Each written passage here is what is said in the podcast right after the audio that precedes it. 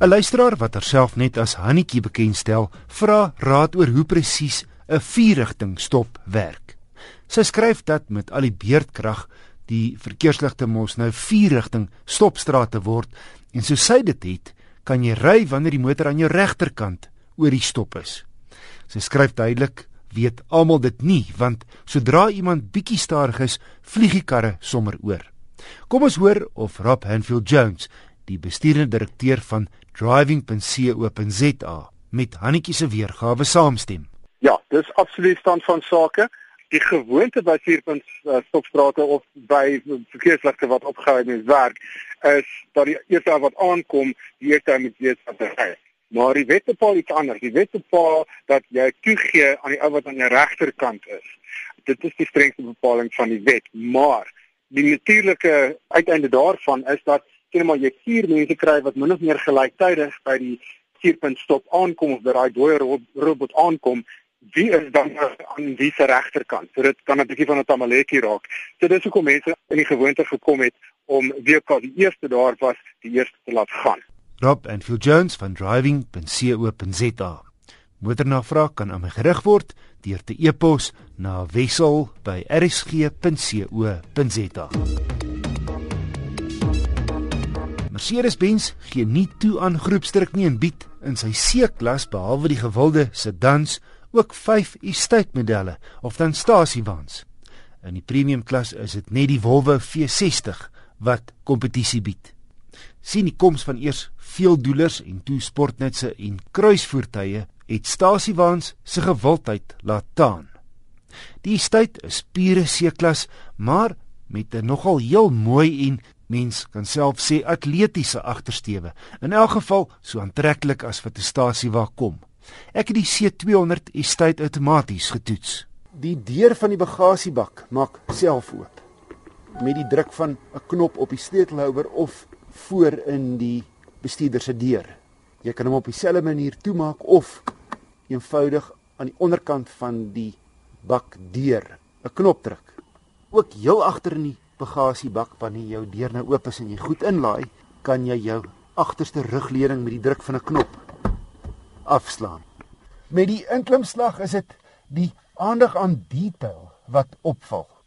Nou bygesê hierdie toetsmodel was toegerus met die AMG pakket wat vir jou 'n hele paar rand ekstra uit die sak gaan jaag. Maar die materiale in die kajuit is regte hout, volop leer, baie mooi gestik en die smaakvolle gebruik van aluminium wat 'n gevoel van gehalte en kwaliteit aan hierdie Mercedes gee. Dit is nie net op die oog nie, maar ook hoe dit voel op die hand. Na my mening, die beste in sy klas. Die C200 se 2 liter turbo petrol lewer 135 kW en 300 Nm wringkrag. Oorgedra deur 'n 7-spoed outokas sorg die masjien vir wakker werkverrigting.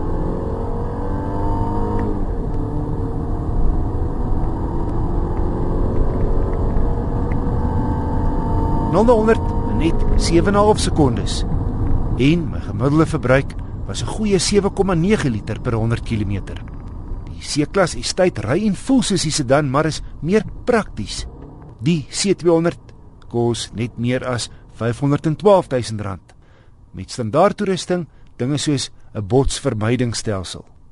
Maar wees gewaarsku, kies die religio opsies met die verstand en nie die hart nie, want my toetskar se AMG pakket en talle luukse en veiligheidsbekomstighede het die prys tot ver aanderkant 650 000 opgestoot. Isuzu se KB reeks het oor meer as 40 jaar 'n reputasie opgebou as taai kan nie doodbakkies en die 4x4 weergawe dwing groot respek af in die Grammadulas. Die plaaslik vervaardigde bakkie verkoop goed. Verlede maand byvoorbeeld 1672 eenhede. Ek het die 3 liter turbo diesel dubbelkajuit LX 4 trek gery. Die Isuzu het 'n meer bakkie gevoel binne as sy teenstanders. Netjies uitgelê, maar harde plastiek wat plek plek so effens hol voel en eenvoud in die paneelbord teenoor byvoorbeeld die Amarok se sportnutsagtige binnery. In die LX topmodel kry jy tog beheer, drie sensors en telefoonverbinding maar in 'n aardige weglating is elektroniese stabiliteitsbeheer iets wat standaard is onder sy mededingers en baie help wanneer al die 380 Newtonmeter wringkrag in nat weer op 'n leë KB se agterwiele losgelaat word. Verder is die hoofligte nie verstelbaar nie. Dis iets wat 'n mens nogal kan nodig kry as jy 'n ton agterop dra in die nag. En net leer op die stuur en radkierie die materiaal op die sitplekke lyk en voel nie heeltemal so duursaam soos die res van die bakkie nie. En ek sou ten minste op die bestuurder se sitplek iets soos 'n seiloortreksel kry. Maar daar eindig my klagtes sterkpunte op hierdie Isuzu bakkie. Is hoe lekker die wrinkrag versprei is al van lae toere af.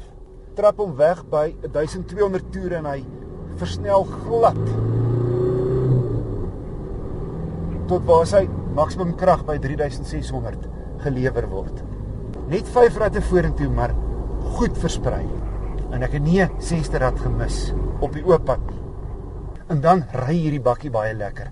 As jy in ag neem 'n 1 ton bakkie is maar geneig om te hop as hy leeg is. Maar hierdie Isuzu het eintlik 'n baie lekker, gemaklike rit op teer en nog beter op grond. En daarmee saam sonder twyfel een van die beste voertuie om slaggate en hobbels en ander lelike goed op die pad te hanteer. Die Isuzu KB dubbelkajuit is met 'n lengte van 5,3 meter rondom 'n lekker ruim bakkie. Die 300 DTEC 4x4 LX model kos R505600. Baie dieselfde as sy kompetisie, maar General Motors Suid-Afrika skep ons mark af.